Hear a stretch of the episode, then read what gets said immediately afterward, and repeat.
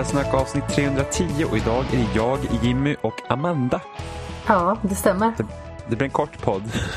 Ja, den är slut nu. Hej då. Ja, precis. Nu, nu är det slut. Vi sa hej och jag tänkte att det var allt du behövde höra från oss den här veckan. Det var det viktigaste.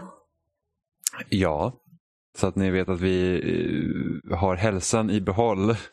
Ja, precis, vi är inte avlidna, någon av oss. Eh, nej, Eller ja, inte någon av oss två i alla fall. nej, inte än. I alla fall. Man vet aldrig vad som händer. Ja, hur är det med dig? Eh, det är bra. Det är måndag idag. Och det var allt.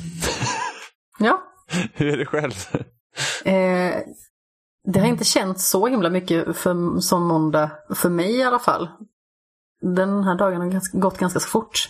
Men eh, brukar måndagar vara långsamma annars.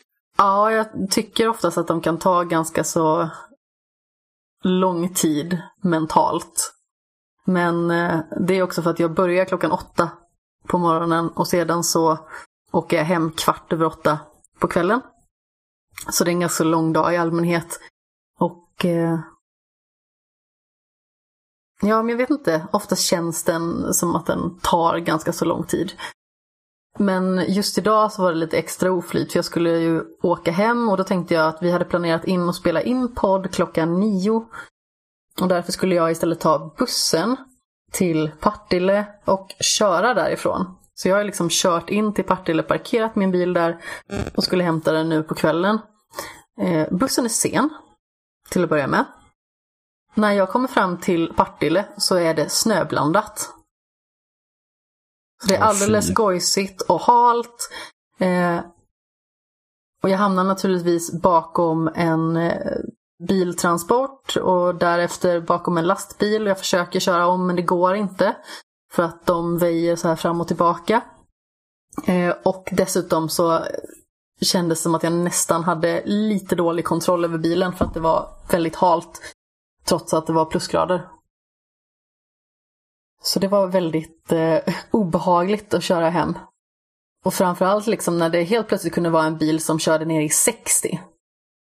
Ja. Så då kände man att eh, man var tvungen att vara på sin vakt precis hela tiden. Jag kände att jag spänd i nacken för jag har suttit- och hållit i ratten som om det var sista jag gjorde någonting. Så, eh, så ja, nu är jag här i alla fall. Klockan är kvart i tio. Och är redo att prata om spel. Ja, det är fan inte roligt att ha bil alltså. Alltså jag tycker det är ganska så roligt att ha bil. Jag tycker om att köra bil. Jag tycker att det är väldigt skönt framförallt att så att sätta på hög musik och så köra. Jag tycker det är Mm. trivsamt på något vis och jag föredrar att köra till jobbet. Sedan så är det ju mer kostsamt och framförallt när jag pendlade som mest så behöver man ha de flesta dagarna att pendla med tåg för att kunna sova lite extra. Mm. I och med att man spenderar så himla mycket tid med att eh, jobba och färdas och ha sig. Så det är väldigt skönt att man kan få en paus och slappna av lite. Man kan ju liksom inte sätta bilen på autopilot och sova. Nej, det är sant. Det är sant. Så båda har sina eh, fördelar. Ja, men har du spelat någonting i veckan? Ja, det har jag faktiskt. Tror det eller ej. Vad, vad, har du spelat? Jag har spelat ett eh, strategispel som heter Ash of Gods Redemption. Okej. Vad är det här för någonting? Jag har aldrig hört talas om det tidigare. Inte jag heller. Eh, det är ett spel som jag har recenserat för loading. Eller rättare sagt, recensionen kommer ut under veckans gång. Eh, så jag har inte recenserat än. Men eh, det är ett turordningsbaserat strategispel. Eh, inte helt i likhet med Fire Emblem till exempel som ett spel som jag håller väldigt högt. Utan istället så flyttar man en karaktär i taget. Så jag flyttar en karaktär och sedan så gör, inom citationstecken, motståndaren sitt drag. Så man kör hela tiden om vartannat istället för att hela ens party ska göra sina drag och sedan gör nästa eh, person alla sina drag. Så... Eh, alltså, jag vet inte riktigt var jag ska börja med det här ja, spelet. Det, nu ser jag, det liknar väldigt mycket The Banner Saga. Ja, eh, det vet jag att väldigt många har sagt. Det här är ett spel som för övrigt släpptes på Steam, jag tror att det var för två år sedan. Och eh, mm. Nu har det då släppts på konsol helt enkelt. Så det är just därför jag recenserade. Eh, dels för att jag kan naturligtvis inte spela på PC i och med att jag har en liten tafflig laptop som eh, man knappt skulle kunna spela patiens på. Gud, det, är eh. nästan, det är nästan skrämmande likt Banner Saga i hur menyerna ser ut och hur gubbarna står på... Det, oh, det, det här ser nästan ut som typ direkt RIP. ja, jag har ju inte spelat Banner Saga. Jag vet att väldigt många håller det otroligt varmt om hjärtat. Mm. Men just själva berättelsen ska tydligen vara baserad på någon form av rysk författare, tror jag, som har skrivit eh, om det är böcker eh, som baseras i den här världen. Då är det så kallad mörk fantasy. Som eh, det här går ut på. Och man får följa tre stycken separata karaktärer som eh, färdas på tre olika fronter. Vi har eh, bland annat en eh, karaktär som, det känns som att man får följa honom mest. Thorn heter han i alla fall. Han färdas med sin dotter. Eh, sedan så finns det en eh, karaktär som heter Lo Feng. Och ytterligare en som heter Hopper. Så man färdas igenom den här världen som dessa tre karaktärer stöter på ondingar eh, varje gång det kommer liksom en ny konfrontation så blir det ju liksom som ett bräde som man ska färdas igenom. Så precis som egentligen Fire Emblem och jag antar The Banner Saga också, så är det ju liksom att man flyttar sig i ett rutnät. Mm. Och eh, i det här spelet är... så är det liksom inte bara att man förflyttar sig en viss längd eh, och det är det, utan man kan förflytta sig inom en viss eh, ram av de här rutorna. Och sedan attackera. Men man kan också förflytta sig lite utanför, men då tar man liksom av en energimätare. Så ifall man vill flytta sig lite extra, det kan vara att en fiende står ytterligare en ruta bort så finns det liksom eh, om de här vanliga rutorna är blåa så finns det några gula rutor till som då tar av en, ens energimätare helt sonika. Och eh, sedan så kan man ju attackera motståndaren på olika vis. Det finns ju ganska så klassiska maner att utgå ifrån svärd, spjut, pilbåge och dylikt. Nemo! Ni får ursäkta, min eh, katt håller på att laja i bakgrunden. Jag vet inte riktigt vad som har tagit åt honom. Han måste väl berätta att han har bajsat eller någonting. Ehm. Jag har lite problem med spelet. Jag tycker det är ganska så trivsamt att spela. I allmänhet sådär. Men eh, jag började spela det. Tyckte att det var lite knivigare att komma in i än till exempel Fire Emblem. För Fire Emblem är ju väldigt lätt att lära sig. Man skulle kunna säga att det tar kort tid att lära sig, men det kanske tar lite längre tid att mästra. För jag menar, att bli riktigt bra på Fire Emblem, det är väl en sak. Liksom, jag skulle inte kunna spela med eh, permanent dök till exempel. Utan jag spelar ju alltid så att jag får tillbaka mina karaktärer efter striden. Men här så tog det lite längre tid, det är fler saker att ta i beaktning. Jag tyckte att det var liksom svårt att få grepp om liksom hela systemet initialt. Men eh, då började jag om från början, för jag tänkte att ja, då tar jag en lättare svårighetsgrad och gör liksom att jag kanske kan få lite mer hum om hur eh, allting fungerar. Till att börja med så var det inställt på automatiska strider. Så det fick jag stänga av. För det vill jag absolut inte ha. Eh, för att berättelsen är inte så jättespännande eller fängslande. Så jag eh, ville liksom mer sänka svårighetsgraden för att kunna känna att jag kommer in i spelet. Problemet är att man kan inte justera svårighetsgraden sedan när man väl är inne i spelet. Utan i så fall hade jag behövt börja om från början. Alltså såvida inte det är någonting absolut jag har missat totalt. Men jag har, tycker jag, lusläst menyerna och hittar absolut inget som säger att man kan eh, justera i sin liksom, spelfil och byta svårighetsgrad därmed. Ehm, så det är faktiskt lite tradigt för att nu är det på tok för lätt istället. Jag menar, jag kan skicka mm. mina, jag höll på att säga gubbar, det låter som att jag är en femåring, men jag kan skicka mina karaktärer på motståndarna och de dödar dem på liksom ett eller två skott. Och det känns som att det liksom inte riktigt är någon utmaning i det hela då, men samtidigt så vill jag liksom inte heller börja om från början. Nu är jag ju på kapitel ja, snart fem. Ehm, och jag tror att det är nio kapitel i den här berättelsen. Så det är inte så här superepiskt och jättelångt. Det kan väl ta en... tror att de flesta har sagt att det tar så här 20 timmar kanske, själva grunden. Så jag tycker att det är lite synd att man inte kan justera under tidens gång. Mm. Och det är liksom inte så att jag är så extremt investerad så att jag känner att jag vill dra en runda till. Eh, på en svårare svårighetsgrad. Så det känns lite tragiskt faktiskt. Ja. Men, men alltså om du, om du gillar liksom den här typen av strider och sånt så borde du verkligen testa Benners Saga. Ja. alltså de spelen är jättebra. Så när Banners Saga kom ut 2014 och då satte jag det som årets spel det året. Ja, men det vill jag minnas att jag har mm. sett att det gjort. Finns det på annan plattform än PC dock? Ja, det, finns på, det ska finnas på PS4, det finns på Xbox One för det är där jag har spelat eh, både eh, tvåan och trean. Ah, ja, det eh, finns på PS4. Jag skulle, eh, jag skulle vara förvånad om det inte finns på Switch också. Ja men toppen, ja, då får jag ju testa det där.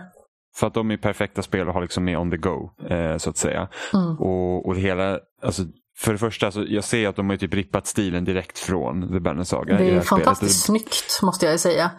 Och då är. Banner Saga betydligt snyggare. Eh, ändå. Okej ja, men, eh, det, jag sitter och tittar på så här, typ reviews här i bakgrunden och ser liksom när de spelar. Men alltså det, det, det här känns väldigt liksom, det, det känns lite anonymt medan Berners Saga har en ganska tydlig liksom, stil till sig ändå. Även om det är också inspirerat av typ tecknade filmer från 80-talet. Liksom. Ja, alltså det är väldigt tydligt i det här också. När man ser hur eh, stora öppna landskap visas upp och så. Det är faktiskt riktigt tjusigt. Jag ska liksom inte säga något sådant. Utan estetiskt så ser det jättefint ut det här spelet.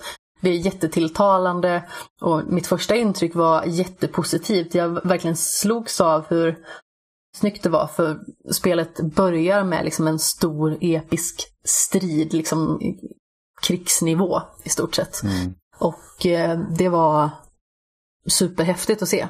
Det var jättesnyggt.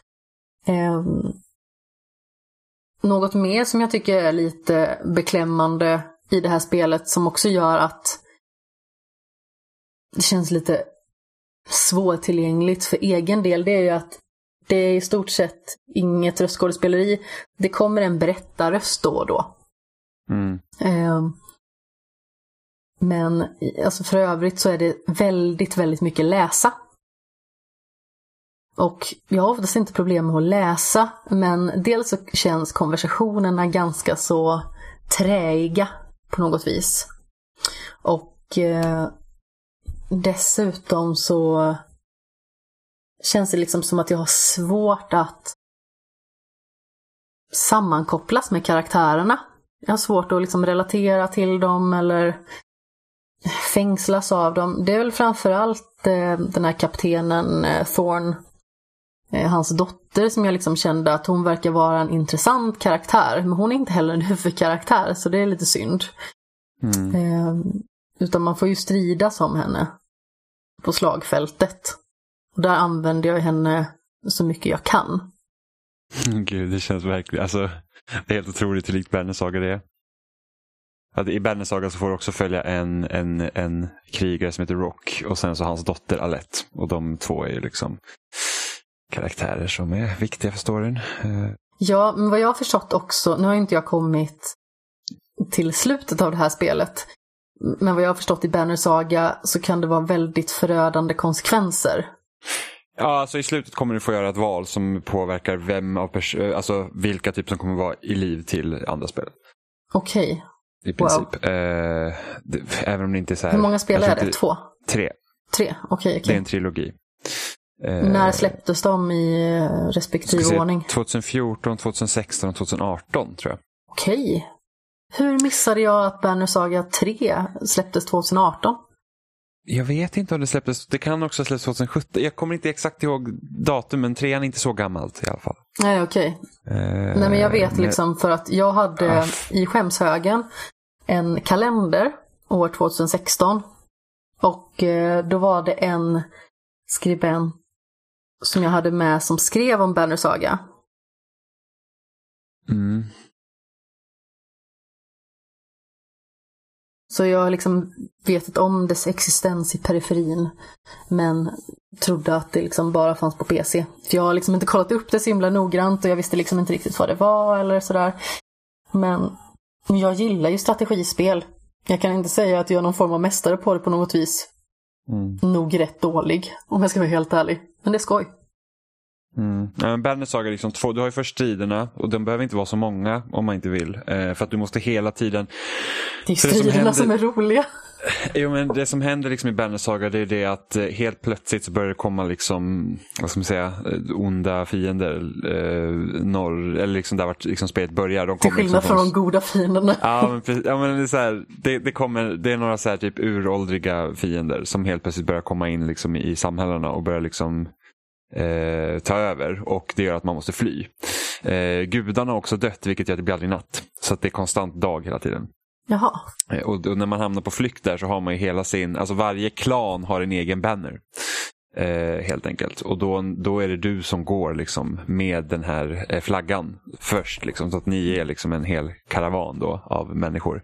Eh, och sen så får du eh, köpa, eh, du måste se till att du har resurser till att kunna föda dina Föda, ge mat till dina eh, klanmannar helt enkelt. Eh, och sen så får man göra liksom lite val under spelets gång. Det komma säga, ja ah, men typ det här och det här händer, vad gör du nu? Typ som ett så här gammalt textäventyr.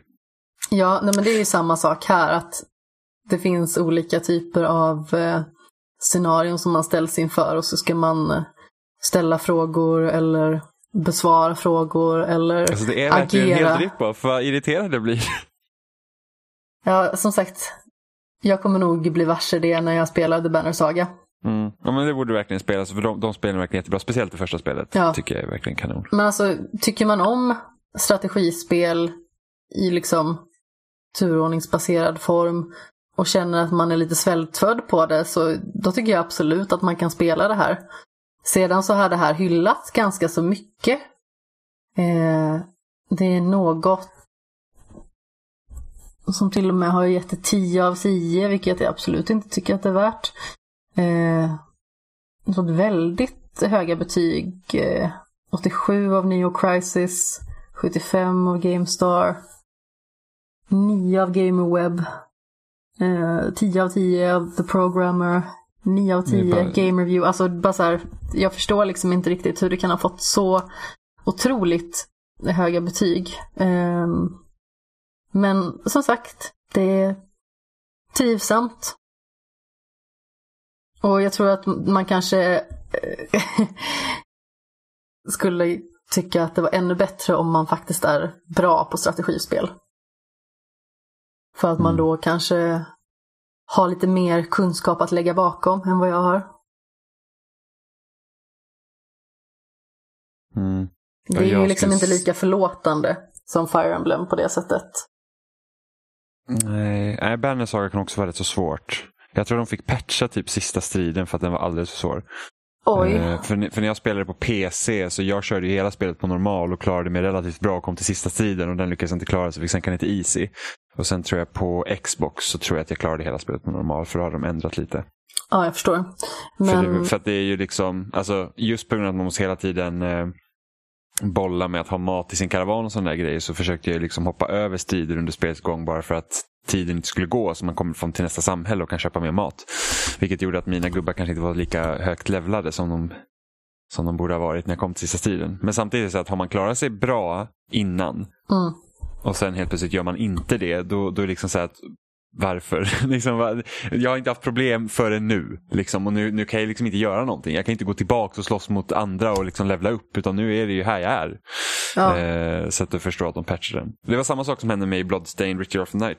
Eh, som jag spelade i början av januari liksom klarat mig relativt bra, haft problem med några bossar, kommit till sista bossen och bara så här, det går inte. Jag är inte tillräckligt bra för det, jag har inte tillräckligt bra gear vilket gör att jag måste ge mig ut liksom i slottet och börja farma material och sånt så jag kan crafta ny gear. Och det är så att Ingenstans i spelet har jag haft behovet av det här tidigare och nu är jag på sista bossen och nu måste jag hela tiden gå tillbaka. Sånt stör mig. Ja, men det, det är liksom jag. Annat, jag tycker annat om så här, jag förstår dem som så här, det finns ju de som verkligen är så här hela tiden, ja men jag vill ha bättre gear så att mellan de här story-sekvenserna så gör jag det automatiskt. Jag är inte sån när jag spelar, jag är ofta så här att jag vill klara ut spelet, jag vill se storyn så jag köttar på bäst jag kan.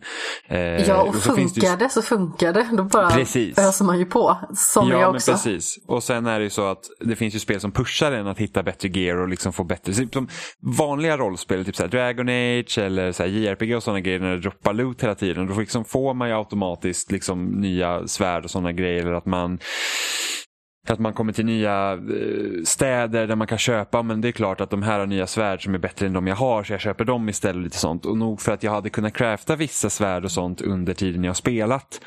Så när jag kom till sista bossen var det så att det här är på en helt annan nivå. Alltså det är liksom, då, då var ändå typ bossen innan var ändå rätt så svår men jag klarade den liksom. Det var kanske dog två gånger eller någonting sånt innan jag liksom lyckades ta den. Men liksom sista bossen var verkligen så att det, det var ett sånt stort hopp. Så jag var att, jaha okej, okay, börja ta, liksom researcha då. Var hittar jag gear så jag inte liksom typ dör på tre slag. Ja. Eh, och då, bara, ja, men då behöver de här grejerna och här grejerna. Och det finns på det här området av kartan, typ det sämsta stället på hela slottet som man är i. Och jag säger bara fy fan. Och så måste man ha det här och så behöver du pengar härifrån och så måste du göra det här. Och det, var så här, det, är, det är flera timmars spelande för att jag bara ska kunna ta sista bossen.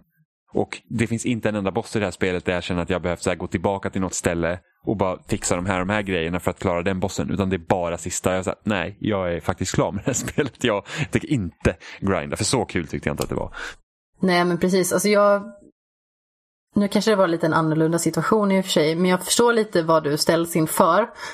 För jag, eh, precis som jag sa, är väldigt mycket sån att funkar det så funkar det. Då bara fortsätter jag att plöja på för att jag vill veta vad som händer och jag är så extremt nyfiken och jag är liksom inte den som eh, lajar runt och utforskar så himla mycket utan eh, om ett spel uppmanar mig att spela huvudberättelsen Eh, då är jag väldigt nöjd med det. För att jag tycker att det är jättebekvämt.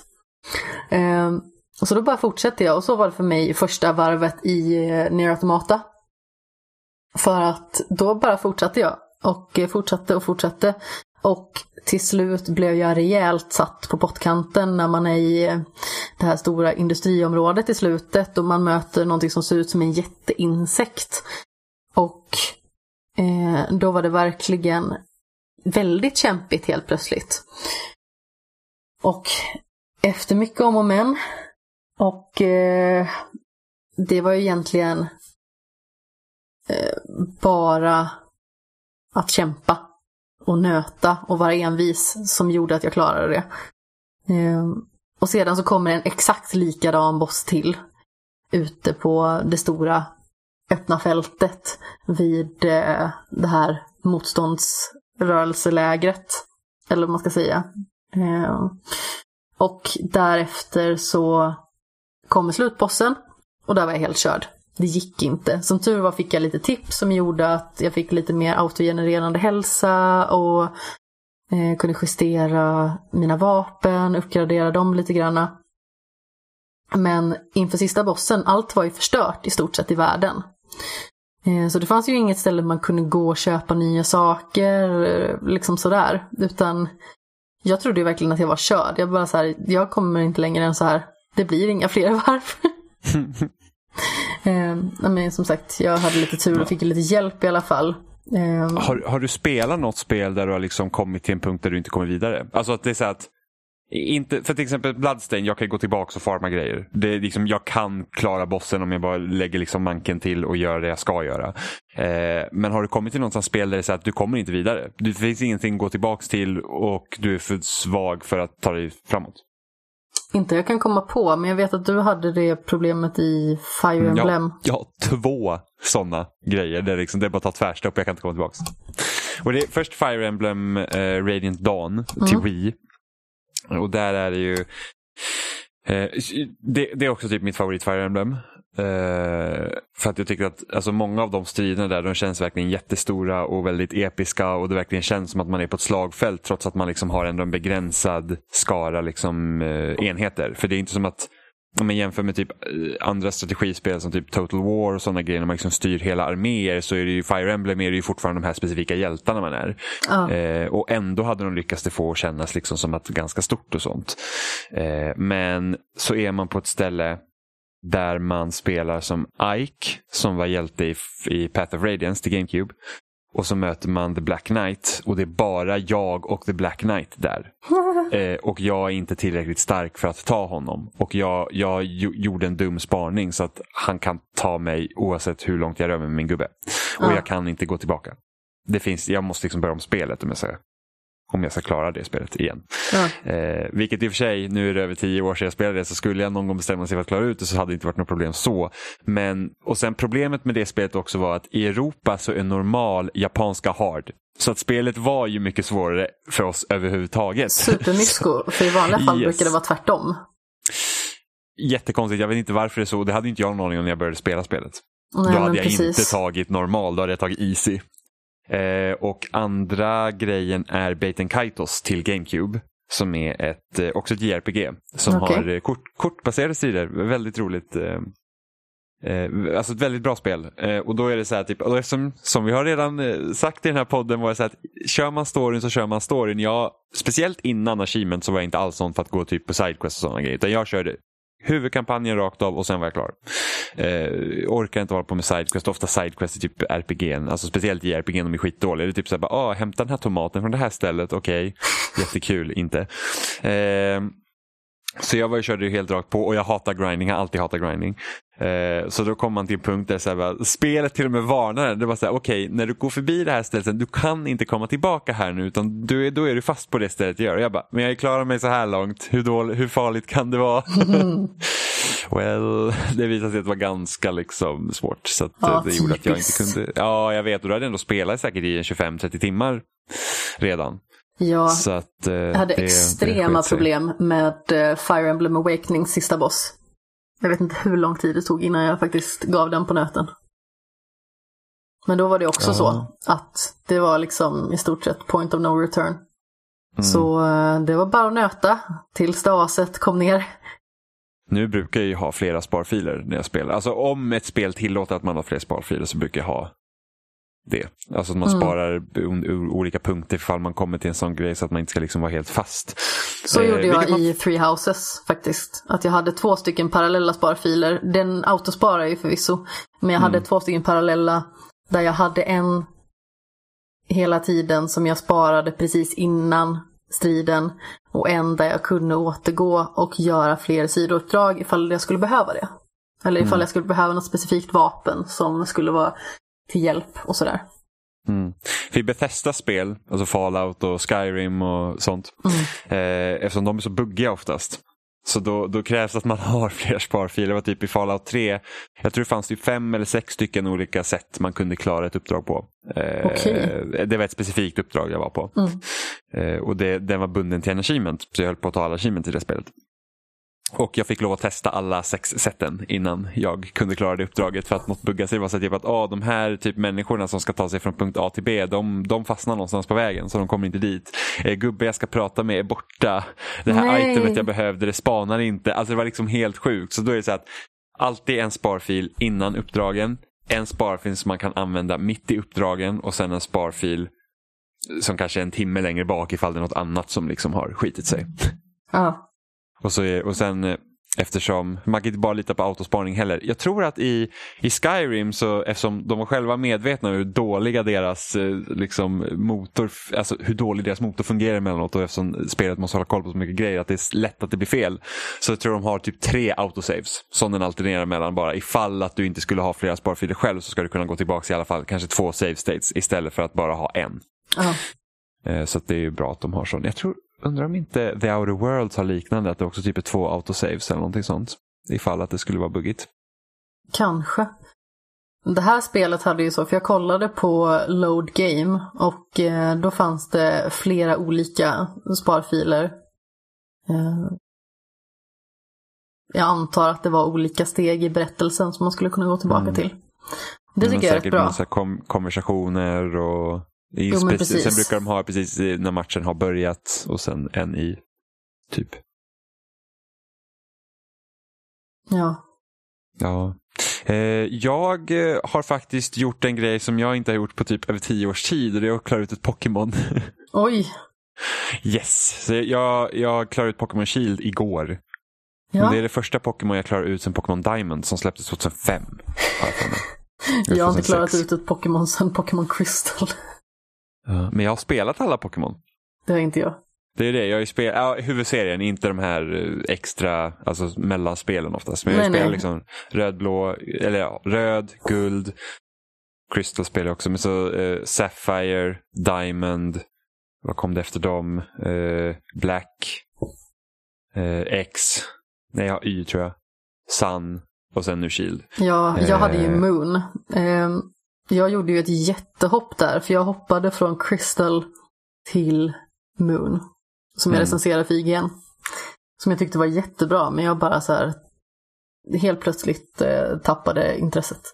Jag vet inte varför. Mm. Ja, men jag, har ju, jag har ju varit så att jag har ju tappat in, alltså varenda Pokémon som jag spelat tidigare har jag alltid typ haft någon att spela med samtidigt. Så vi har typ bytt Pokémon med varandra och liksom gjort saker tillsammans och suttit och spelat liksom bredvid varandra. Ja, Eh, och sen när det försvann, sen så är det liksom, då har jag haft svårt att ta mig igenom Pokémon efter det. För att det är liksom så att, alltså eftersom det är alltid två versioner så känns det lite som att man liksom är, är man, man har bara en del av hela spelet. Liksom. ja. Eh, och sen har vi pratat om Pokémon hur mycket som helst nu det senaste året i den här podden. Liksom att vad, vad vi har sagt vad som saknas. Liksom, vad, vi, vad vi tycker serien behöver ha för att liksom ska upprätthålla liksom, intresset. Mm. Eh, och, och vad vi hoppades med Switch-versionen var ju att det skulle vara ett steg framåt. Och Ja. eh, nu, nu när jag liksom har klarat ut det så att det här är ju, liksom, de gör ju vissa framsteg, eller liksom att de har ju ändrat små saker men, men i, eh, rätt och slätt är det ju här ett Pokémon. Precis Ja. som de andra spelen. Eh, Jag vill ju se typ ett Pokémon, det har jag säkert sagt tidigare, men i en typ Nino Kuni-värld. Det hade ju varit så fantastiskt. Jag hade köpt det dirr. Ja, alltså jag känner typ, alltså, jag vet att många skojar nu, men typ Pokémon Breath of the Wild. Liksom att det är så att, eh, men en, stor, en, en större värld som inte liksom känns som att den hela tiden är eh, utstakad efter liksom de här gångarna. Alltså, för att så som Pokémon Shield är just nu, det är liksom att du kan ju inte gå fel. Nej. Det är ju liksom, du har de här korridorerna eh, oavsett. Även liksom grottsystemen som finns, de få grottorna som har funnits i spelet är också ganska simpla. Det, det, jag kommer ihåg till Pokémon Röd, det gick att gå vilse och sådana grejer. Och Ja, inte, för att jag ja. säger att, inte för att jag säger att det är typ så här, bara, åh, det är min, absolut min favorit när man gick vilse i Pokémon Röd, för jag fucking hatar de grottorna också. Men det var liksom att det, det är inte så mycket Ilskan i att tappa bort sig i grottorna. I synnerhet Ja. den som är eh, helt mörk som man var tvungen att ha flash till. Ja. Eh, så att, och här finns det liksom ingenting sånt utan det, det är en ganska straightforward väg tills att man har klarat ut spelet. Eh, och det är jättemycket cutscenes och liksom så här eh, storytjafs som de slänger liksom in i spelet som inte är relevant förrän typ de sista 20 minuterna. Okej. Vilket är helt, för det är så här typ att ah, de liksom vuxna karaktärerna, de bara åh nej det här hände här, vi måste gå dit. Ja men ni två, alltså jag och min rival då som är typ bästa kompisar, vi kämpar ju för att liksom bli champion så att säga. Eh, då bara okej vi måste gå och göra det här nu, men ni fortsätter liksom era gym challenges och grejer. Och man bara okej, alltså ibland vill jag säga att okej men de ska springa dit, då har jag lust att också gå dit och titta vad det är för någonting. Men det är ju liksom ingenting där för att det är inte dit man ska. Eh, så jag bara så här, jaha, okej. Och så kör man igenom och sen så när man kommer liksom mot slutet då helt plötsligt bara det här som man liksom lite hintar om typ i början av spelet och det som de vuxna karaktärerna har hållit på med under man själv liksom bara så gått och klarat gym. Det blir helt plötsligt relevant och så är det avklarat på 20 minuter. Och inte för att story och sånt är jätteviktigt i Pokémon men det är så himla konstigt för att jag har ändå behövt genomlida de här cutscenes som jag inte har brytt mig om. Ja. Så jag är bara så här, jaha, okej, jättemärkligt. Och liksom hur, jag vet inte.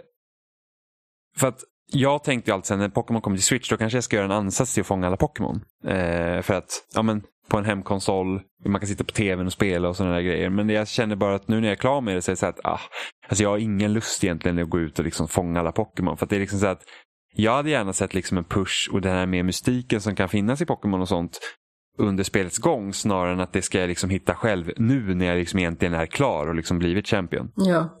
Eh, för det kommer jag ihåg, liksom, och sen så hjälper det såklart till när man är liten och inte förstår allting och man snackar med sina kompisar och typ alltid ett mysterium. Och sen hittar man ju på massa grejer som man tror kan stämma i spelet fast det stämmer ju inte för att det finns liksom inte programmerat. Eh, men typ en av grejerna jag tyckte var så himla roligt var typ i Pokémon Guld. Det var ju typ när man kom i de här Unknown-grottorna till exempel. Och man bara, vad är det här? Liksom, skitspännande. För att man visste inte alls Alltså det, alltså det var ju bara liksom mystisk grej och sådär.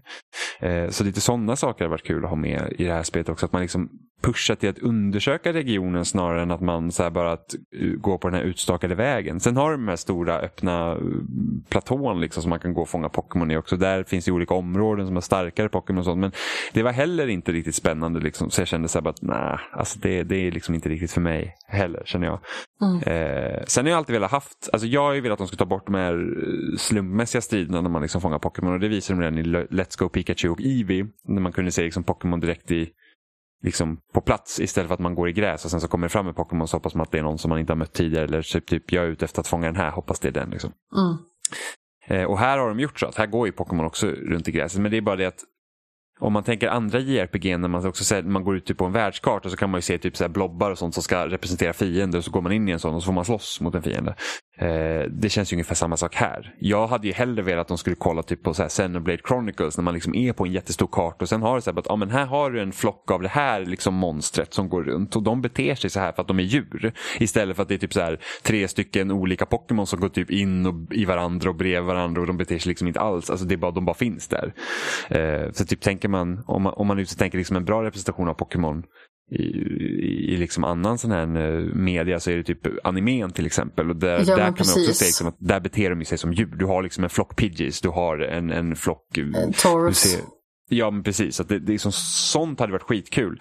Eh, för en tjänst som jag gärna hade velat se att Pokémon skulle liksom eh, ta an på, det är den här efter första avsnittet i Pokémon, det är när Ash ser en Ho-Oh som flyger över horisonten. Ja. Och liksom bara kunna se en sån grej och bara så här, dit vill jag det där är en Pokémon jag vill fånga, varför kan jag inte få gå dit? Det, det, är också en grej som de gör bra i Breath of the Wild för att eh, en bit in i spelet helt plötsligt kommer det typ en flygande drake på horisonten och man bara, vad är det? Det är liksom ingen, ingen cutscene, ingenting som visar att det här har hänt utan du bara går runt i världen och helt plötsligt så ser du någonting flyga på horisonten och man säger bara, what?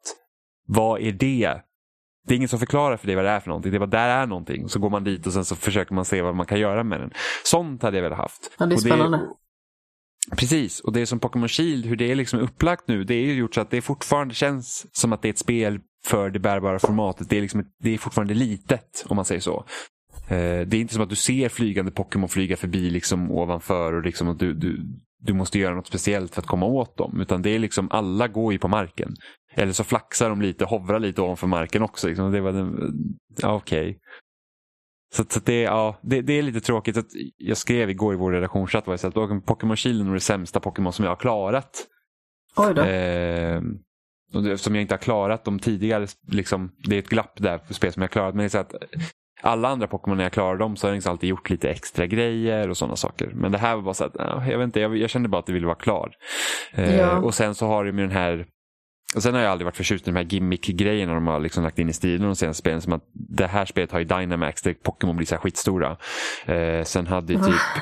om det var X och Y som hade Giga Evolutions eller någonting sånt här. Också så här konstig grej som de inte har liksom kvar i spelen. Vilket också är så här att, va, va, det, det, det låter fånigt. Ja, och den här Dynamax-grejen, det är liksom när man möter en gymledare eller när man har varit i de här Champions-tiderna så de sparar, man kan Dynamaxa en gång per match. Ja. I de större matcherna, inte i vanliga sidor. Eh, och då och då i gymledarstriden så är det alltså sista Pokémon de tar fram, då kommer de göra en Dynamax på dem. Så man vet ju att det alltid kommer hända och då måste jag också köra Dynamax på en av mina Pokémon och så, då liksom, det tar bara liksom längre tid. Striden okay. tar längre tid. Jag vet att jag kommer vinna men det är så att då är hans Pokémon stor och mycket starkare så kanske kommer slå ut den Pokémon som jag har. Så måste jag byta Pokémon så måste man göra min Dynamax också. Så får man se samma mellansekvens igen när de gör den här Dynamax så är stor. Och så, uh, det är liksom bara så här att... Uh. Speciellt när det liksom inte är... När, när det alltid är efter samma mönster så slutar det vara spännande. Det är liksom bara så att jag vet att det här kommer hända varenda gång. Så att det, det är liksom inte som att om en helt plötsligt bestämmer gymledaren sig vid Pokémon 2 att nu kör jag Dynamax för att det känner jag att jag behöver för att kunna vinna. Och då bara så här, wow, vad händer nu? Men utan det är alltid så här, nu tar han fram sin sista Pokémon, nu kommer han Dynamaxa och nu ska jag göra så här för att vinna och bla bla. Så det, det är lite tråkigt. Repetitivt. Väldigt repetitivt. Men som sagt, sen vet ju inte jag. Jag hoppas ju fortfarande så att nästa Pokémon de gör, nästa del i serien så kanske de vågar liksom vara lite mer ambitiösa i omfånget. Liksom att okej, okay, men nu gör vi det här till det stora äventyret. Alltså, jag känner ju att de skulle behöva någon form av uppsving alla Fire Emblem. För att jag tycker ju att Fire Emblem gjorde något alldeles makalöst fantastiskt med eh, Three Houses. Jag tycker det är ett helt underbart spel och jag håller det väldigt högt faktiskt. Jag tycker att det är det bästa Fire Emblem-spelet. För att det fick mig verkligen att bli engagerad på ett helt annat sätt. För tidigare har jag liksom bara hoppat över alla mellansekvenser. Jag har eh, liksom inte orkat till slut engagera mig i vad det är som försöker liksom förmedlas till mig som spelare. Alla dialoger. Alltså nu har jag verkligen så här kollat ordentligt, jag har läst, jag har lyssnat, jag har gjort otroligt mycket på kartan. Som sagt, jag spelade i alla fall över sex timmar. En sparfil. Så det är liksom ett spel som verkligen engagerar tycker jag. Och det känns ju som att Pokémon skulle behöva liksom ett uppsving och ett spel som verkligen engagerar. Och har liksom en berättelse som är liksom lite mer ny. Mm. Det känns att de har inte behövt egentligen ha någon berättelse. Det är så att hej, du är den här tioåringen eller whatever, du, du vill liksom bli Pokémon-mästare. Det är allt som behövs. Och sen så bara, ge mig en jävla gigantisk fucking karta, en stor jävla värld så känns det verkligen som att jag är ute på ett äventyr. Liksom att det är så att den här skogen, det är inte bara liksom en liten typ kvadrat på den här kartan utan det är en fucking jävla skog. Ja. Så man går in dit och man säger bara wow. Du vet det är höga träd, i träden sitter liksom andra Pokémon, liksom sådana grejer. Det är liksom att låt, låt det få kännas stort, låt det få kännas ungefär som Gameboy-spelen kändes när man var åtta. Liksom. Att ja. Allt som rymdes i den lilla skärmen var liksom en massiv värld men nu liksom nu ska jag också vilja se det jag kände. Ja, alltså eh. spelen har ju inte åldrats med oss. Nej, och såklart. Och Pokémon är ju liksom ett varumärke liksom för barn. Så fine. Men fortfarande, det är vad jag skulle vilja ha. För jag tycker fortfarande att alltså, Pokémon som koncept är ju liksom häftigt. Jag tycker om eh, Pokémon så... jättemycket liksom i grunden. Men det känns liksom som att de skulle behöva göra någonting som inte är samma sak en gång till. Precis, och nu kom det ju faktiskt ett spel på Early Access eh, som heter Temtem. Som är i princip Pokémon.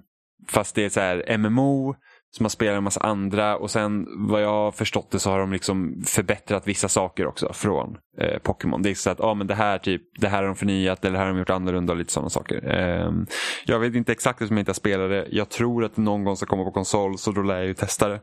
Uh. Men samtidigt så att ah, visst, eh, så oh, sen var det något annat också som åkte upp på Kickstarter också eh, nyligen som också är ett så här jagarspel likt Pokémon.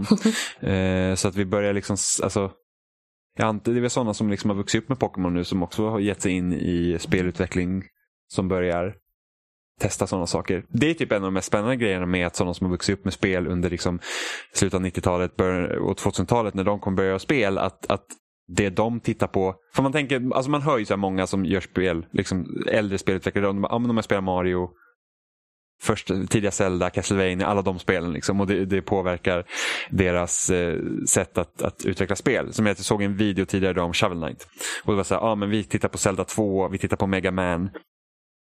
Och tänk då liksom de som nu börjar utveckla spel, men de tittar på Pokémon. Eller tänk de som har vuxit upp med Minecraft. Vilka spel kommer de göra om typ tio år? Så det ska bli jättespännande. Uh, men uh, ja, alltså jag, jag vet inte. Jag tänker alltid att jag kanske känner mig för gammal för Pokémon.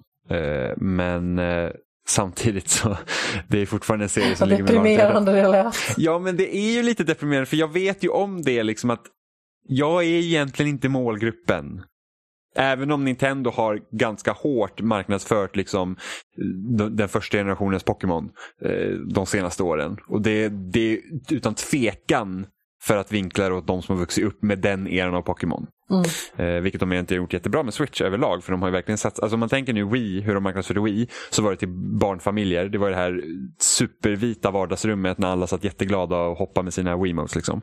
Eh, och så tänker man spola fram då till Switch-reklamen när det var liksom unga vuxna som tar med sin Switch till takfesten på andra sidan vart de bor från. Mm. Det är liksom en helt annan vinkel. Och då var det så Pokémon Go börjar med de första 151 monstren. Eh, första Pokémon till Switch är en remake av eh, Röd och Blå. Vilket för övrigt, där hade de haft en chans. Så här att vi gör en reimagining av Röd och Blå. Istället för att göra exakt samma karta i 3D Precis. så hade de fan kunnat göra liksom en, en helt open world som ska representera den kartan. Det hade ju varit jättehäftigt. Men istället ska vi Absolut. gå igenom exakt samma spel igen fast lite sämre. Med tanke på att det liksom, de promotade då att man skulle fånga, det var det Pokémon Go-grejen, att du ska ju fånga varenda monster du ser.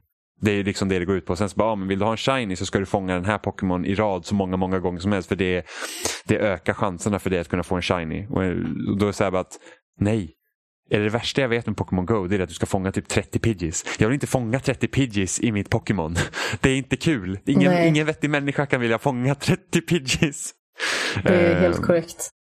Ja, så att eh, ja, nej men så att eh, man får se då till nästa Pokémon-spel och se vad de hittar på för att eh, det, det är väl lite Lite på rätt väg men det, det går alldeles för långsamt. Det, det ska verkligen alltså, gör Pokémon till det äventyret det förtjänar att vara, tycker jag.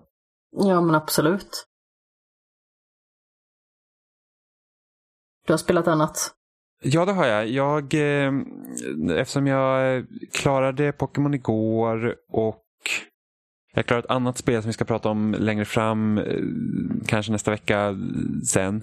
Eh, så var det så här, hmm, vad ska jag kolla igenom lite på Xbox Game Pass. Vad, vad är det, finns det något kortspel som jag ska hinna liksom bränna igenom? Jag älskar så, att du bara säger så här, ett spel som vi ska prata om lite längre fram och jag liksom sitter här, ah, vad är det för något? Och så kommer jag Ja. ju på sen vad det är för något. Ja, men det, det andra spelet jag spelade det är Kentucky Route Zero men det ska vi inte Ja. prata om den här veckan. Nej, jag vet, men Eh, jag känner mig skitdum. Jag bara så här, ah, jag har missat. Ja, men så, så, så jag tittade igenom ett annat spel som, som var så här att åh, det här är kort och gott eh, och det är Untitled Goose Game.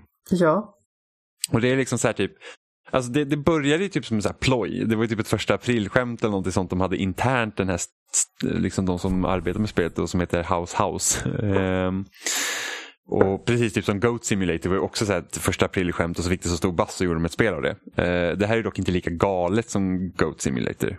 Eh, just det utan låter här- rätt galet ändå. det, det låter rätt så galet men det, det, det är ett ganska trevligt litet pusselspel egentligen. Så du, det du gör är att du spelar en gås helt enkelt. Eh, och sen så kommer du till olika områden på den här kartan som, som, som spelet utspelar sig på och sen så får du liksom en to-do-list vad du ska göra. Eh, och då ska du liksom genom att interagera med de här olika objekten som finns i området. Så första stället är liksom en, eh, en trädgård eh, där en, en gubbe liksom Ja, han, han planterar morötter och lite sådana grejer. Eh, och du ska helt enkelt, det den här to-do-listen går ut på det är liksom att du ska jävlas med den här personen. Eh, och det kan vara typ så här, ah, få honom att bli blöt, eh, få honom att slå sig på tummen med en hammare. Eh, lås, honom men. ute, lås honom ute från sin egen trädgård. Eh, och sen typ så här, samla ihop de här objekten och lägg dem på en, en picknickfilt. Eh, eh, filt. eh, lite sådana saker. Så, det, så det du kan göra i spelet, du kan, du kan eh, honka. eh, du kan springa, du kan ta upp saker, du kan eh, vifta liksom på eh, vingarna typ. Och se, se skrämmande ut. Och så gör man det här. Så får man liksom, för att du får liksom inga ledtrådar någonting sånt. Utan du måste själv, liksom, genom att testa olika saker så måste du själv komma på hur du ska göra grejen. Liksom, att, Okej. okej, så att, så att det är inte så här typ att ta det här och det här och så, så får du honom göra det här. Utan du får ju liksom testa själv. Så att det var så till exempel för att få, få honom att låsa upp trädgården så att du kommer in dit så behöver du starta så här sprinklersystemet via en vattenkran ut på utsidan till exempel. Eh, och sen för honom att bli blöt så tog jag hans eh, Först tog jag en tulpan och sen så skulle han då gräva ner den här tulpanen igen. Han tyckte väldigt mycket om sin tulpan. Eh, och då kunde jag ta hans mössa och då började han jaga mig så jag sprang ut i vattnet och då sprang han efter mig och så blev han blöt till exempel. Så det, det är liksom eh, på den nivån är det av pussel. Eh, och så Roligt. finns det då så finns det typ fyra större områden i spelet som man kommer till. Så jag tror mitt favoritområde det är när man är i, på det är två hus bredvid varandra eh, och på liksom bakgården på vardera hus så är det, liksom, det är två olika personer som bor där och så får man dem liksom att man skapar en fejd mellan dem egentligen. eh, genom att göra djä- djävulskap helt enkelt. Så jag fick den ena så här klippa av eh, den andres rosbuske av misstag. Eh, fick dem att slänga skräp på varandra. Ja, men lite sådana grejer. Så det är ett väldigt, väldigt roligt li- litet pusselspel. Det är inte jättesvårt. Är det inte. Det Eh, låter vissa väldigt festligt. Ja, vissa saker får man liksom klura på lite mer och sen, sen så är det så att Vissa saker på to-do-listan kan vara väldigt vaga så att vissa saker kan du inte ens göra om du inte gör en annan grej först. Och då kan det vara lite så frustrerande så att om man försöker göra en grej, nu vet jag inte alls hur jag ska hålla på här. Eh, för mm. att vad, vad, hur, hur går det till ens? Eh, men så får man testa lite olika. Så jag, jag, fick en, jag knöt upp en pojkes skosnören och jagade honom ut i en vattenpöl så han ramlade. Eh, snodde hans glasögon när de trillade av och bytte ut dem mot några andra. Liksom sådana grejer. Så Det är faktiskt ett jätteroligt spel. Det är så här, lite så här, någon har fått en dum idé och sen gjort ett spel av det. Fler så... dumma idéer hos världen. Det är bara ja, roligt. Men, ja men faktiskt. Alltså Goat Simulator till exempel, det blir jättestort. Det kommer typ hur många expansioner och sånt till det spelet som helst. Uh, har aldrig spelat det dock. Inte jag heller. Men det är liksom typ, Alltså det är, du kan göra vilka dumma saker som helst. Det kommer zombie-expansion till det också. Det är, liksom, uh, det är ändå helt sjukt. Liksom så här, ett litet skämt som de hade liksom blev jättestor franchise ett litet tag. Jag vet inte liksom om det är någon som bryr sig om Goat Simulator idag men liksom just var ett, två år där så kom det liksom nya Goat Simulator-grejer hela tiden och folk var helt galna i det. Liksom. Och jag tror att det var många YouTubers som streamade det och sådär och många tittare hade kul. Ja, det kan jag tänka mig. Så det är faktiskt, alltså det är faktiskt väldigt, väldigt, väldigt roligt. Eh, men jag kan rekommendera till Goose Game, speciellt om man eh, prenumererar på Xbox Game Pass, för det finns där. Och det tar typ, ja, jag satt och spelade i tre timmar tror jag och klarade ut det. Mm. Eh, det är väldigt så, överkomligt. Ja, precis. Och sen så har de typ så här speedrun challenges också. Så du ska typ ja, men klara den här, gör hela to-do-listan på det här området på sju minuter och så får man okay. en achievement. Så att sånt kan man också göra. Jag vet inte om jag kommer orka göra det för jag känner så att nej, jag fick nog ut vad jag ville ha av det här spelet. Men, mm, det låter som det. Mm, men det är, liksom, det, är väldigt, eh, det, det, är väldigt kul. Det är kul att vara lite jävlig faktiskt. Man går så här Hongkong på allt. Det är liksom, nej, det, det är faktiskt väldigt kul. Kul att vara ett eh, as ibland. Ja, men alltså lite så. Då är man ändå inte så här, man är inte riktigt Alltså, de hade kunnat göra ett spel där man är värre as. För att det, det, är liksom, det är inte som att du kan bita dem. Man kunde typ varit en svan. Precis, man kunde ha varit en svan.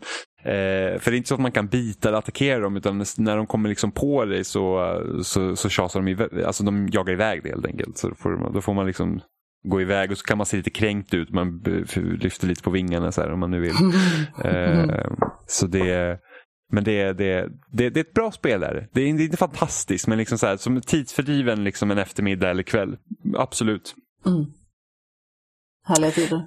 Eh, men jag tänkte bara som sista grej innan vi avslutar. Så här, är det någonting spel alltså som inte släpps i år utan som har släppts tidigare år som du skulle vilja spela? Skämsspel med andra ord. Ja, det kan man kalla dem. Det kallar jag dem. Jag är lite skadad också. Mm. Lex skämshögen, typ fyra år. Mm. Eh, alltså Mass Effect-trilogin är alltid aktuell. Mm. Jag har ju tänkt att jag ska börja om den från början. Jag väntar ju dock lite grann på att det potentiellt kanske ska komma en liten ny version. Hint hint, Bioware.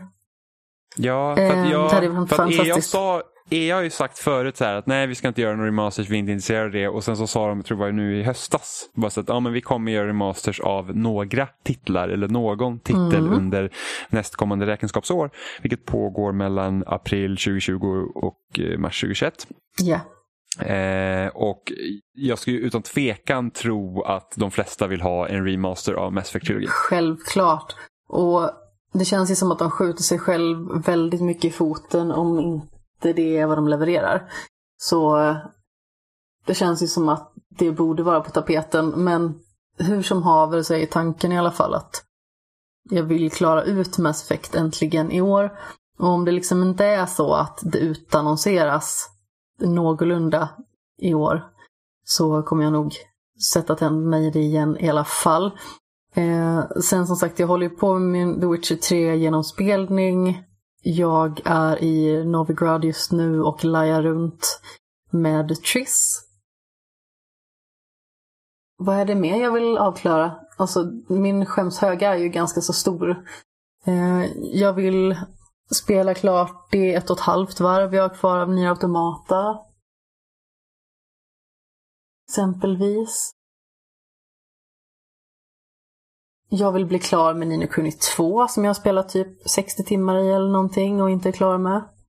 Mm. Alltså det är många spel som jag har börjat spela som jag vill bli klar med. Eh, God of War hade jag gärna gett en chans till. Mm, Just jättebra. för att jag eh, som sagt blev lite förbannad på det. Och eh, inom citationstecken gav upp på det ganska så tidigt. Hur långt kom du? Det var bara någon, några timmar in kanske. Mm, men då, då, är jag, då är jag i alla fall kört första fighten mot The Stranger. Det är mycket möjligt. Jag har Det är han, inte han, riktigt någon knacka, koll. han, han som kommer att knacka på på ditt hus och sen så slår han dig på käften. Alltså jag har typ inget minne av det här. Åh gud. Men det är, typ ändå en av två mina- år sedan jag spelade det här och Ja, jag spelade det väldigt lite. Och som sagt, jag slutade lite i frustration i och med att jag kände att det fängslade inte mig så som jag ville från början. Och det var ju ett väldans hallå när det här släpptes så ville jag vara med på hype-tåget och så kände jag att det liksom gav motsatt effekt nästan. Mm. Jag var ju så peppad på det spelet. Alltså, jag har aldrig varit någon så här stort fan av God of War. Alltså jag har spelat 1, 2, 3. Jag har inte spelat något av dem. Eh, de, de, alltså, de, de är helt okej. Det är helt okej actionspel tycker jag. Eh, har några av de coolaste setpiecesarna som finns. Eh, jag tror eh, mitt favorit av dem är nog ettan skulle jag tro. I alla fall storymässigt. Eh, ja, förutom den nya God of War då, som jag tycker är ett överlägset bäst.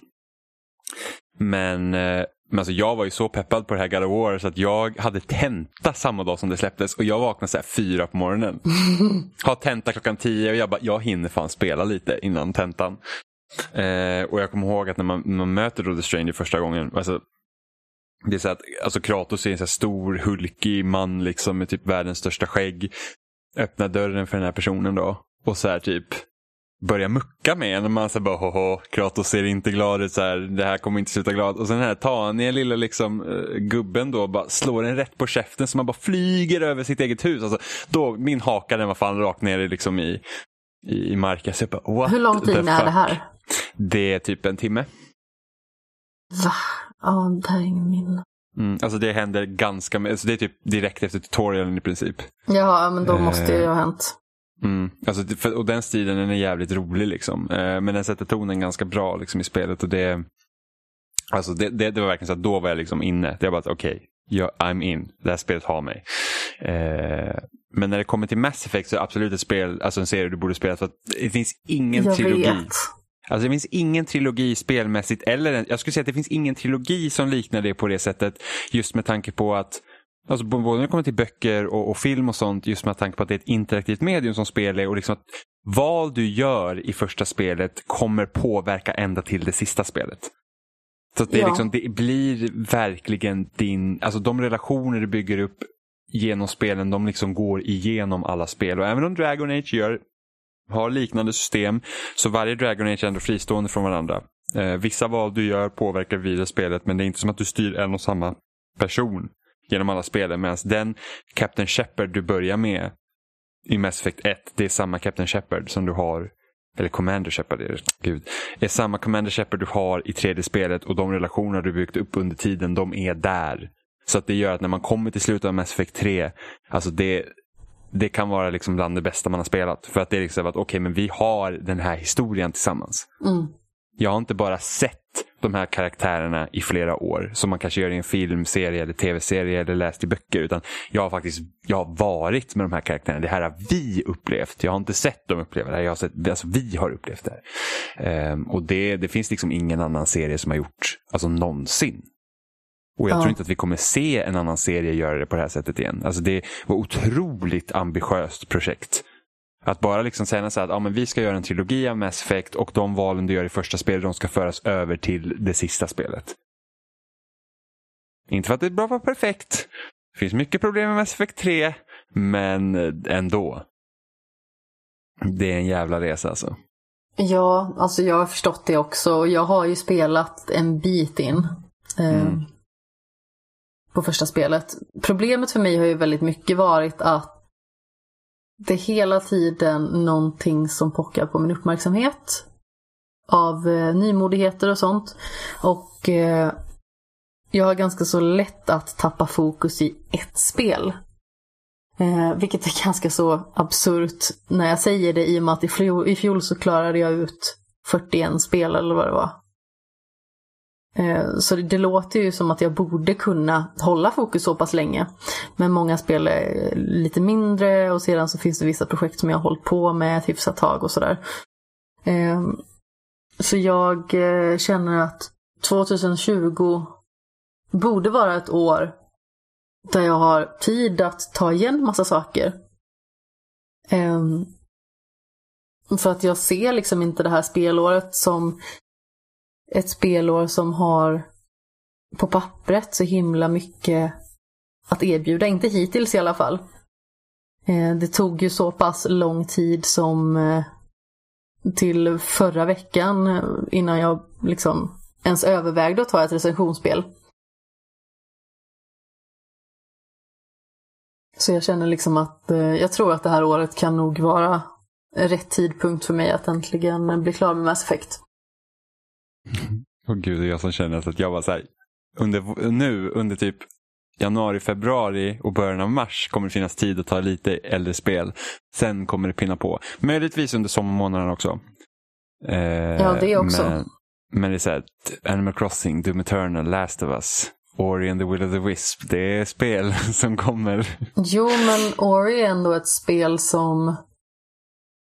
Det är inte så jättelångt tror jag. Alltså, det förra spelet var ju en... typ 13 och en halv timme i en sittning. Ja, med 10-15 timmar ändå. Men det är ändå jo. rätt mycket man har annat att göra också. Ja, fast samtidigt så vi släpptes det på Switch också den här gången. Vilket då? Will of the Wisps? Ja. Jag vet faktiskt inte om det kommer till eh, om det kommer till andra konsoler än Xbox One och PC i början. Ja, för sist var... var ju det exklusivt jättelänge. Ja, precis. Och jag vet inte om det är Microsoft som... Eh, eh, om det är Microsoft som eh, står bakom det här också faktiskt. Jo, eh, Xbox jo, One, Microsoft och, Windows. Yes, yes, då, är det, ja, då, då kommer det inte till Switch på en mm. gång. Vi får se hur tidigt jag tar mig an det spelet. Um, men jag har ju två titlar, eller framförallt en titel i år egentligen som jag jättegärna vill spela. Och det är The Last mm. of Us Part 2. Eh, sen är jag semi-pepp på Cyberpunk 2077. Och eh, har eh, djupa hjärtliga förhoppningar om Super Meat Boy Forever. Mm.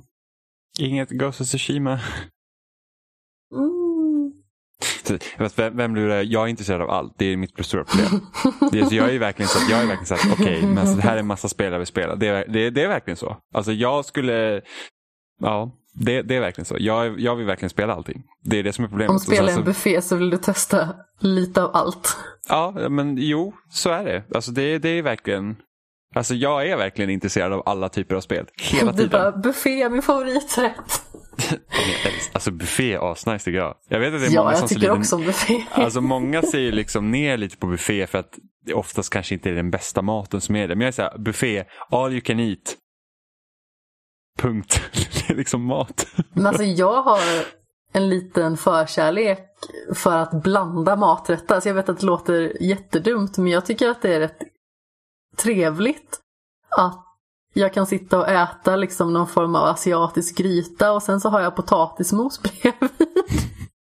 Oh, fan. Ja, man fyller ju tallriken och sen så fyller man den en gång till och en gång till och en gång till med massa alla möjliga grejer. Ja men alltså det var en, eh, en thai-restaurang som, eh, jag vet inte om den finns kvar, men låg bredvid ett gym i Kållered. Och där var det liksom så här, men på en tallrik som man kunde komma med så kunde det liksom vara eh, miniköttbullar i currysås och eh, bredvid det liksom eh, potatismos och pannbiff och sedan lite panengcurry och lite vårrullar och så pannkakor. Alltså det var verkligen fullkomligt galen buffé. Men det var jättegott. Mm. Ja, det är det. Så hej, förkasta inte buffé, ni där ute. Mm, nej, men det, typ, jag gillar julbord väldigt mycket också. Mm. Ja, fast det är bara för att du typ inte, alltså hälften av julmaten äter ju inte du. Nej, jag vet. Och, jag, är så här, Och så säger du så här bara, "Ah, men du är inte så kräsen. Jo. Ja, men, ja, men det, är inte, men det är ändå rätt så vanligt att folk inte äter fisk. Liksom, det, det, jag känner väldigt många som säger fisk, nej inte min grej. Ehm, så att, men alltså, en, det är liksom, jag har sett betydligt värre personer än dig. Eh, vi Vad hade kul en för gång, mig. när jag, när jag gick kockutbildningen i gymnasiet ja. så, eh, så vi hade, skolan hade liksom en egen, eller vårt program hade en egen restaurang som drevs av programmet. Eh, så vanligtvis när du egentligen går till restaurang det är det att man kör ju storkök, alltså typ skolmatsal, liksom den typen av kök lär du dig. Eh, men vi hade special så att vi fick ju en riktig, vi fick ju restaurang istället. Vilket är Ja. betydligt mer värt än att stå liksom i en skolmatsbespisning. Alltså inget ont mot de som jobbar i skolmatskök men liksom ändå. Vi fick, eh, vi fick liksom ha som en riktig restaurang liksom istället för att laga liksom stora rätter så var det väldigt så här, så här arbetar man på restaurang. Liksom. Eh, vilket är väldigt tacksam att få ha det. Mm. Eh, men vi hade en gäst som vi fick ett mail med en lista på vad hon åt. Inte vad hon inte åt utan vad hon åt. Var det typ så här makaroner, ris och Nej, men det kunde vara potatis? typ så här, burkoliver, men det måste vara en, alltså det får inte vara i glasburk, det måste vara oliver från aluminiumburk av det här märket. Men va? Sådana Yes, krav kan man inte ställa. På den nivån var det. Nej, men vi tog emot den, alltså skolan, alltså de, våra lärare, de tog emot en sån gäst för att vi ska kunna också vara beredda på att sådana saker kan hända när man jobbar i kök. Mm. Så att då, eftersom, och då var det så att har man sån specialkost då måste man boka bord och sen så får ju de acceptera eller inte. Liksom så att, är det här möjligt eller är det här inte möjligt? Eh, och då fick de den här listan då och sen så måste man ju komponera ihop en rätt till den här personen då som, som, som går liksom med på det hon har skrivit då så att säga. Men det, alltså, det var en så alltså, galen lista så att de, liksom, de nollar ju fast den på anslagstavlan i köket för att den här måste man spara och se. Rama in den. Ja men typ, för det var liksom, alltså de trodde inte ens sina ögon i princip. Så Vad hemligt alltså. Alltså, det, det är liksom, man säger, hur, hur klarar sig en sån människa? Ja, det är intressant. Mm. Eh, jag har ju också spel som jag skulle vilja spela i Mm. år. Jag vill bara göra en Eh, liten inflikning. Final Fantasy 9. Ja, Nu är jag klar.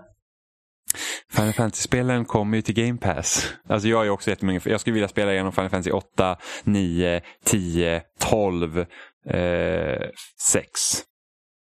Alltså Men- men sexan det- är jag väldigt Alltså, har ju- besviken på mig själv att jag inte har blivit Ja. klar med. Jag har ju en SNES Mini så sexan finns ju där liksom.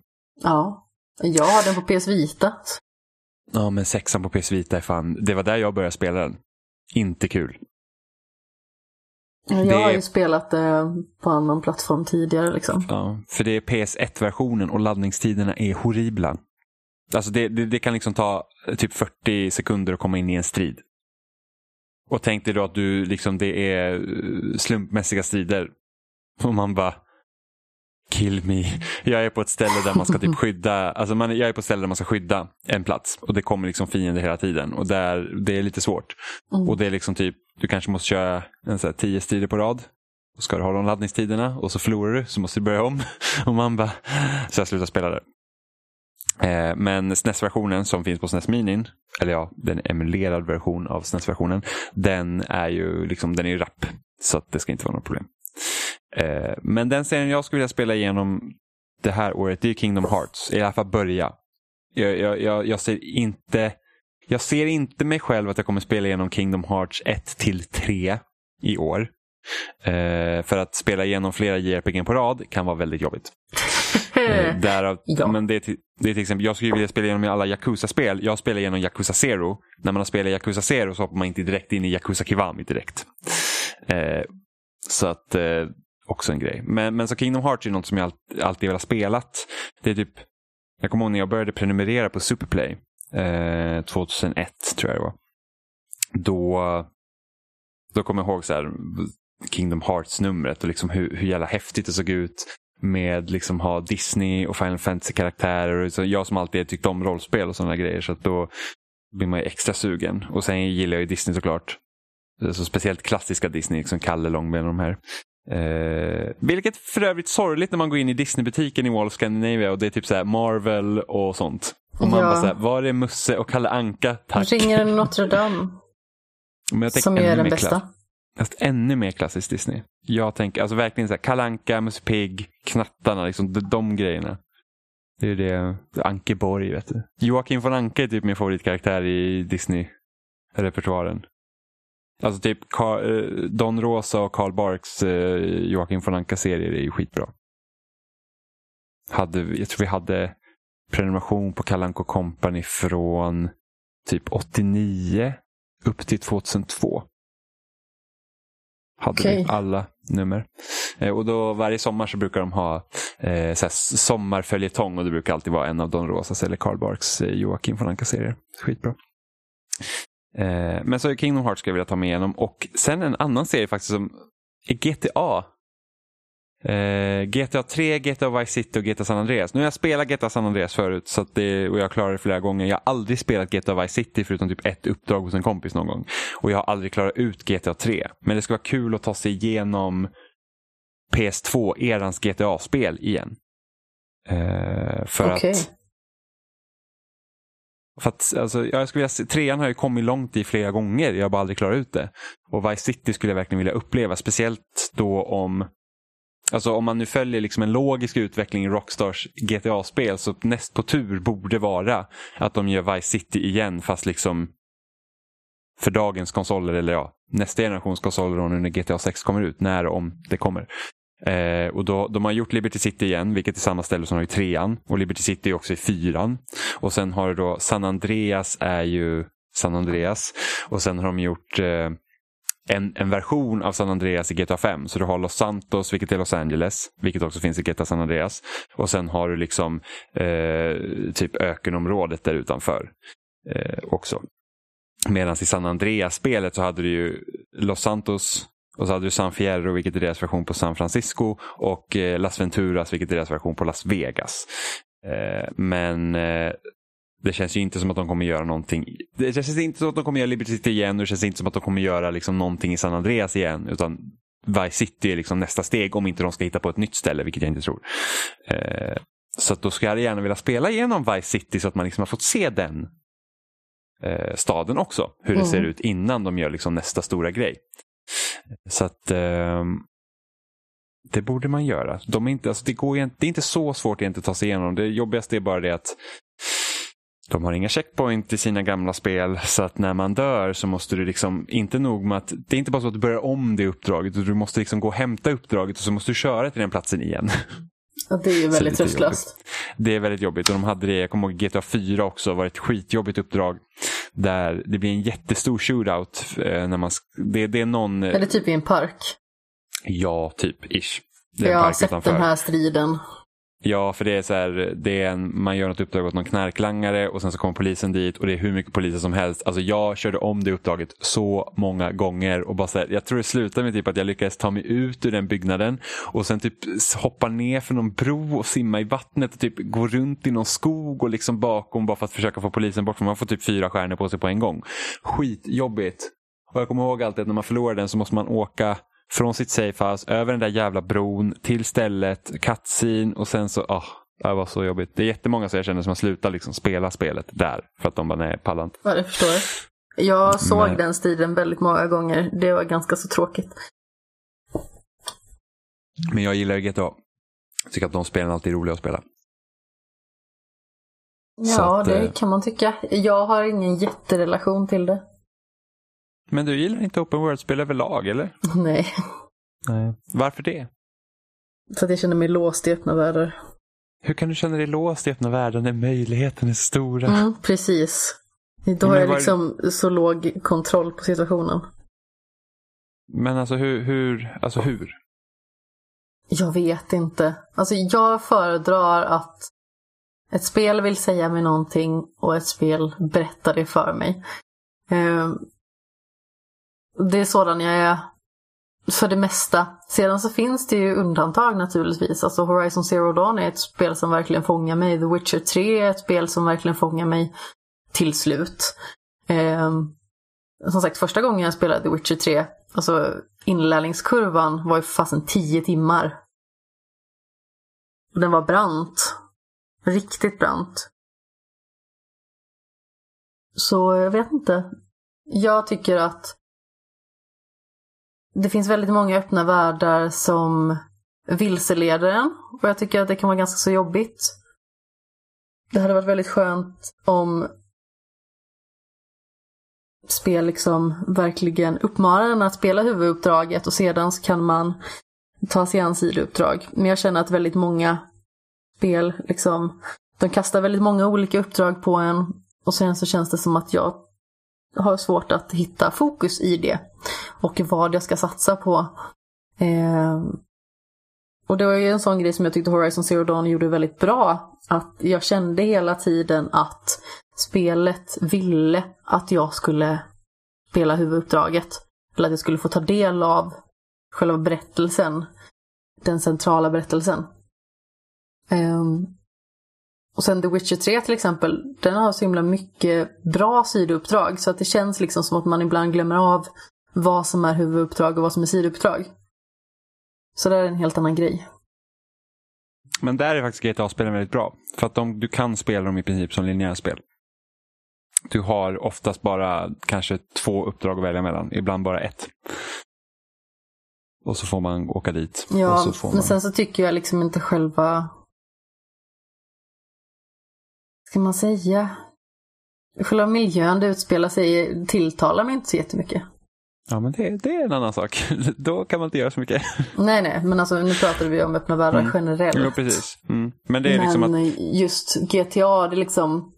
När jag kollar på det så känns det liksom inte som att åh oh, wow, den här världen vill jag kolla vad den har att erbjuda. Utan det är liksom så här... Uh, ja, okej. Okay. Jag kan köra till det här stället. Ja, men det, jag, vet inte, jag tycker det är så kul. Jag kommer ihåg GTA San Andreas. Så så jävla nice att sätta på typ rockkanalen och sen ta motorcykel så åkte man bara liksom motorvägen runt hela världen. Liksom. Det tyckte jag var asnice. Ja, det tydligaste minnet jag har från GTA, det har jag säkert berättat 71 miljoner gånger förut, men det var jag fick handkontrollen. Eh, jag körde rakt igenom en folkmassa, drog på mig rikslarm och sedan landade jag upp och ner i en container och dog. Mm. Så, så bra gick det för mig och då fick jag dessutom kontrollen ifråntagen. så... oh, och typ såhär, nu får inte du spela mer. Det gick inte så bra. Eh, sen råkade jag sparka på en gris också, vilket gjorde mig väldigt förtvivlad. Så jag fick springa efter grisen och se om jag kunde klappa den. Det gick inte. Så blev jag sur på spelet. Mm. Ja, men det är typ såhär, åh vilken fin hund, jag ska gå och klappa den. Bara sucker rätt i fejan och man bara nej. Eh, men det var GTA 5, eller hur? Ja. ja. Vi har haft väldigt kul i multiplayer, i alla fall i GTA 4. Vi har ju snackat i den här podden tidigare hur mycket vi inte tycker om GTA 5s multiplayer och hur mycket de liksom har, de har begränsat det. Alltså det finns ju otroligt mycket möjligheter med GTA 5s multiplayer. Det, det, alltså det finns många fantastiska grejer med sättet de har gjort det på. Ja. Problemet mellan fyran och femman var att i fyran kan du ställa in helt och hållet själv hur du liksom vill, vilka regler du har. Du kan säga att ah, men vi kan inte döda varandra, eh, vi har de här vapnen att leka med, vi kan göra så här, eh, vi gör så att det inte finns några poliser, vi gör så att det finns massa poliser, bla bla bla. Liksom, sådana inställningar, skitkul, så man liksom kunde hela tiden sätta upp egna scenarier. I femman så är allt styrt av deras eget pengasystem. Så att du måste tjäna pengar för att kunna köpa vapen och sådana där grejer. Vilket gör, och göra deras uppdrag för att tjäna pengar eller antingen köpa mikrotransaktioner. Då. Eh, vilket gjorde att det går inte att ställa in sådana grejer längre. Man kan inte, köra, man kan inte öppna en server i GTA 5 och köra utan poliser. Det går okay. inte att öppna en, en server i GTA 5 och säga så att ah, men, vi vill bara ha rocket launchers och vi vill inte kunna döda varandra. Vilket gör att man kan skjuta iväg varandra istället. Alltså, så kul i fyran så att man, man, man, gör, man kan inte ta skada av varandra och så skjuter man ner en rocket launcher på en annan och så flyger man ju åt all vä världens väg. Liksom. Skitroligt. Eller typ, vi körde helikopter så här, vi körde upp på typ hustak och sen så hade en helikopter och så, så försökte man slunga iväg varandra med rotorbladen. Asroligt. Det går inte att göra i femman. För att du kan inte ställa in sådana saker utan du måste köra enligt deras regler. Och speciellt, nu är det jättelänge sedan jag spelade GTA 5 så jag vet inte hur det ser ut idag. Hur balanserat ekonomisystemet är. Eh, men då var det ju så att det tog så lång tid att tjäna pengar. Så bara, det tar så lång tid innan vi kan ha kul. Det tar så lång tid innan vi kan göra vad vi vill göra så det var ju otroligt nedköp. Eh, och det var ju typ samma sak när Red Dead 2 kom. Och den ekonomin i den multiplayern var ju också stenhård. Alltså det var verkligen så att det krävs så mycket tid av mig för att jag ska kunna liksom göra vad jag vill i den här världen. Med mina kompisar. Att det är så att Tråkigt. det är inte värt det. Ja. Sen har ju Red Dead 2 tycker jag andra problem. Så att i, i single player, alltså det är ett väldigt långsamt spel. Allt tar väldigt lång tid även i single player. Liksom, för att de har väl gjort anledningen till att du ska känna dig väldigt så att du, är, du ska verkligen sugas in i den här världen. Liksom, att det tar tid när göra gör det. Allt är väldigt analogiskt. Vilket inte är något fel. Jag tyckte det var skitbra i single player. I multiplayer å andra sidan, då är det för segt. Det var verkligen så att okej, okay, jag kan med det här i single player när jag får vara med mig själv. Jag liksom ingen annan att störa mig på. Men när man liksom spelar en massa andra personer då blir det så här bara, nej, det får inte vara så här långsamt. Eh, så det var lite synd. Men ja, så att det... Så att, ja, och då, då, alltså, GTA 6 multiplayer kommer ju bygga på det som de har gjort med GTA Online i GTA 5. Så det kommer förmodligen inte vara någonting för mig det heller. Så det är lite synd. Mm. Faktiskt. Men eh, det var väl allt vi hade för den här veckan, tror jag. Ja, det verkar som att mina katter har slutat brottats. Eh, eller de har brottats klart under min eh, gungstol i alla fall. Det hördes förmodligen att den ena av katterna morrade och väste på den andra. De har sina Ja. spel. Vilket är väldigt märkligt för att ofta så ligger de och kelar med varandra. Och eh, ska alltid ligga typ på varandra och ihoptryckta. Men ibland så får de bryt och så jagar de varandra och brottas och väser och har sig. Och det hörs förmodligen i min ljudfil. Där ska man ha hund. De ligger på soffan och är tyst. Mm. Vad härligt. Gör inga ljud för sig. Hon gör ju ljud för sig ibland när hon sover. Jo. men Jätteroligt faktiskt. det- Ja, hon lät igår kväll också så här. Sådär. Faktiska ligger- ljud av hur valpen låter. Mm. Och sen hon typ ligger med eh, baktassarna uppslängda mot kudden liksom. Det är helt galet. Ja, det ser ut som att hon typ har brutit röven eller någonting. Ja, helt. helt. Ja, det var avsnitt 310. Det är en korrekt analys av situationen. Ja. Ni hittar oss som vanligt på spesat.com. Där vi så länkar till alla ställen vi finns. Eh, Youtube, Spotify, Apple Podcasts och alla andra ställen som ni kan lyssna på podcast på, förmodligen. Eh, ni kan mejla till oss på kontakt spelsnack.com eller byta ut kontakt mot några av våra förnamn spelsnack.com. Mejla gärna in och ställ frågor, det är alltid lika roligt. Ja. Har ni några spel som ni skulle vilja spela i år som har släppts tidigare som ni inte hunnit med så tipsa. Tjata på Amanda att hon ska spela Mass Effect. ja, förlåt. Jag jobbar på det, okej? Mm, I tanken. Ja, men alltså. Jag har en väldigt romantiserad bild av Mass Effect. Alltså dels så har jag börjat spela det och jag tycker redan om det så otroligt mycket. Plus att jag har lyssnat på Svampriket och Play Before You Dies spoilercast 71 gånger. Den är så jätterolig att lyssna på. Eh, så jag känner ju liksom karaktärerna lite grann, känns det som. Det känns som att jag känner universet. Eh, och det är ett universum som jag tycker väldigt mycket om. Mm. Ja, men det räcker typ, alltså när man startar första spelet och bara hör menymusiken, man bara åh. Alltså det känns redan liksom speciellt där. Katt, sluta. Det, Ja. ja, det är jättefint. Mm, det är det. Ja, men vi hörs igen nästa vecka. Mm, det gör vi. Får ni ha det så bra så länge. Puss i. Hej då!